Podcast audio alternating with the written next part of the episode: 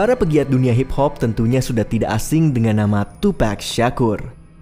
Pria asal Amerika Serikat ini merupakan salah satu rapper paling terkenal di era 1990-an. Dan dia juga sempat berkolaborasi dengan nama-nama beken seperti Dr. Dre dan Snoop Dogg. Hingga saat ini, Tupac masih menyandang predikat sebagai salah satu rapper terbaik sepanjang sejarah. Ia menjadi salah satu sosok yang dianggap paling berjasa dalam kehadiran subgenre gangster rap. Tapi, Tupac tidak hanya dikenal dengan karya-karyanya. Ia juga menjadi sosok yang sangat dikenal karena dibunuh pada bulan September tahun 1996 lalu. Dan hingga saat ini, tidak ada yang mengetahui secara pasti sosok yang mengakhiri hidup Tupac. Hai manusia malam, selamat datang di Malam Malam Stories. Gue Papa Chan, dan di episode Misteri Malam-Malam hari ini, kita akan membahas tentang misteri pembunuhan Tupac Shakur. Yang pertama, kita akan membahas tentang perjalanan karirnya dulu. Tupac Amaru Shakur lahir di Harlem Timur, New York pada tanggal 16 Juni 1971. Kedua orang tuanya merupakan aktivis hak asasi manusia dan kerap mengkritik perlakuan yang tidak adil dari pemerintah Amerika Serikat terhadap masyarakat kulit hitam. Tupac menghabiskan masa kecilnya di New York dan Baltimore. Dia dan ibunya kemudian pindah ke California dan menetap di San Francisco pada tahun 1988. Dan ketika itu, dia masih berusia 17 tahun. Tupac mulai mencuri perhatian setelah merilis album pertamanya yang berjudul Tupacalypse Now pada tahun 1991. Dia pun langsung menjadi sosok sentral di balik popularitasnya hip hop di bagian barat Amerika Serikat. Tupac kemudian merilis tiga album tambahan di bawah naungan Death Row Records. Ketika album tersebut diberi judul Strictly for My Niggas pada tahun 1993, Me Against the World pada tahun 1995 serta All Eyes on Me di tahun 1996. Tupac mengikuti jejak kedua orang tuanya dan menyuarakan ketidakadilan yang dialami masyarakat kulit hitam di Amerika Serikat. Lirik bernafaskan politik merupakan tema besar di tiga album pertamanya. Kemudian Tupac mulai membahas mengenai kehidupannya sebagai anggota gangster di album All Eyes on Me. Sebelum album tersebut dirilis, Tupac memang sudah menjadi anggota gangster dan memiliki banyak musuh. Dan di tahun 1994, Tupac hampir sempat terbunuh. Ketika itu, dia baru saja meninggalkan sebuah studio rekaman di New York City dan ditembak lima kali oleh orang yang tidak dikenal. Kejadian penembakan ini terjadi di tengah-tengah sidang kasus pelecehan seksual yang dilakukan olehnya. Beruntungnya, lima peluru yang bersarang di badannya tidak mengenai organ vital. Dia pun berhasil pulih, namun kemudian dinyatakan bersalah atas kasus sodomi dan pelecehan seksual. Dan dia mendekam di penjara selama 8 bulan.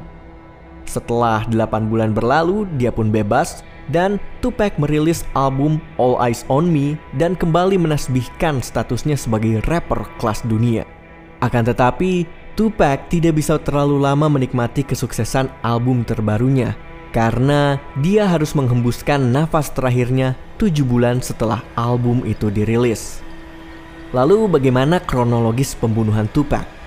Tupac menghembuskan nafas terakhirnya di Las Vegas pada tanggal 13 September 1996, tepatnya enam hari setelah dia ditembak. Dia meninggal dunia karena mengalami pendarahan internal akibat banyaknya luka tembak yang diderita. Tupac datang ke Las Vegas untuk merayakan ulang tahun dari rekan bisnisnya, Tracy Daniel Robinson. Dan tidak hanya itu, Tupac juga sempat menyaksikan pertandingan tinju antara Bruce Sheldon melawan Mike Tyson yang digelar di MGM Grand. Sesaat sebelum meninggalkan MGM Grand, Tupac dan pemilik Death Row Record, Marian Such Knight, sempat terlibat perselisihan dengan sekelompok orang. Dan orang-orang tersebut merupakan anggota geng Crisp yang berbasis di Los Angeles. Tupac dan Suge kemudian meninggalkan MGM Grand dan pergi menuju klub malam. Akan tetapi, dia tidak pernah sampai di klub malam tersebut karena ditembak oleh sekelompok orang tak dikenal yang mengendarai sedan Cadillac berwarna putih. Penembakan ini terjadi ketika mobil yang ditumpangi Tupac dan Such tengah berhenti di sebuah lampu merah. Cadillac tersebut langsung kabur dan Tupac dilarikan ke rumah sakit. Tupac langsung mendapatkan perawatan intensif di ruang ICU dan nyawanya sempat diselamatkan selama beberapa hari. Namun, luka tembak yang terlalu parah akhirnya merenggut nyawa sang rapper. Lalu, siapa kira-kira aktor di balik misteri pembunuhan Tupac Shakur? Pihak kepolisian langsung melakukan investigasi pembunuhan Tupac. Mereka sempat memeriksa beberapa anggota Death Row Records yang menyaksikan langsung aksi penembakan. Akan tetapi, mereka semua tidak mau memberikan testimoni. Pihak kepolisian pun langsung mencurigai seorang gangster bernama Orlando Anderson dia merupakan salah seorang yang terlibat perselisihan dengan Tupac dan Suge di MGM Grand tak lama setelah pertandingan tinju Mike Tyson usai. Dan kepolisian Las Vegas sempat mendatangkan Orlando untuk meminta keterangannya. Akan tetapi, Orlando meninggal dunia karena ditembak anggota gangster tidak lama setelah memberikan testimoninya. Testimoni yang diberikan Orlando juga tidak membuat pihak kepolisian mampu mengungkap aktor utama pembunuhan ini. Pasalnya, Orlando tidak memberikan pernyataan yang jelas dan kerap berkelit ketika tengah diinterogasi. Dan Orlando bukanlah satu-satunya sosok yang dicurigai oleh polisi. Pihak berwajib dan para penggemar Tupac juga mencurigai rapper kenamaan The Notorious B.I.G.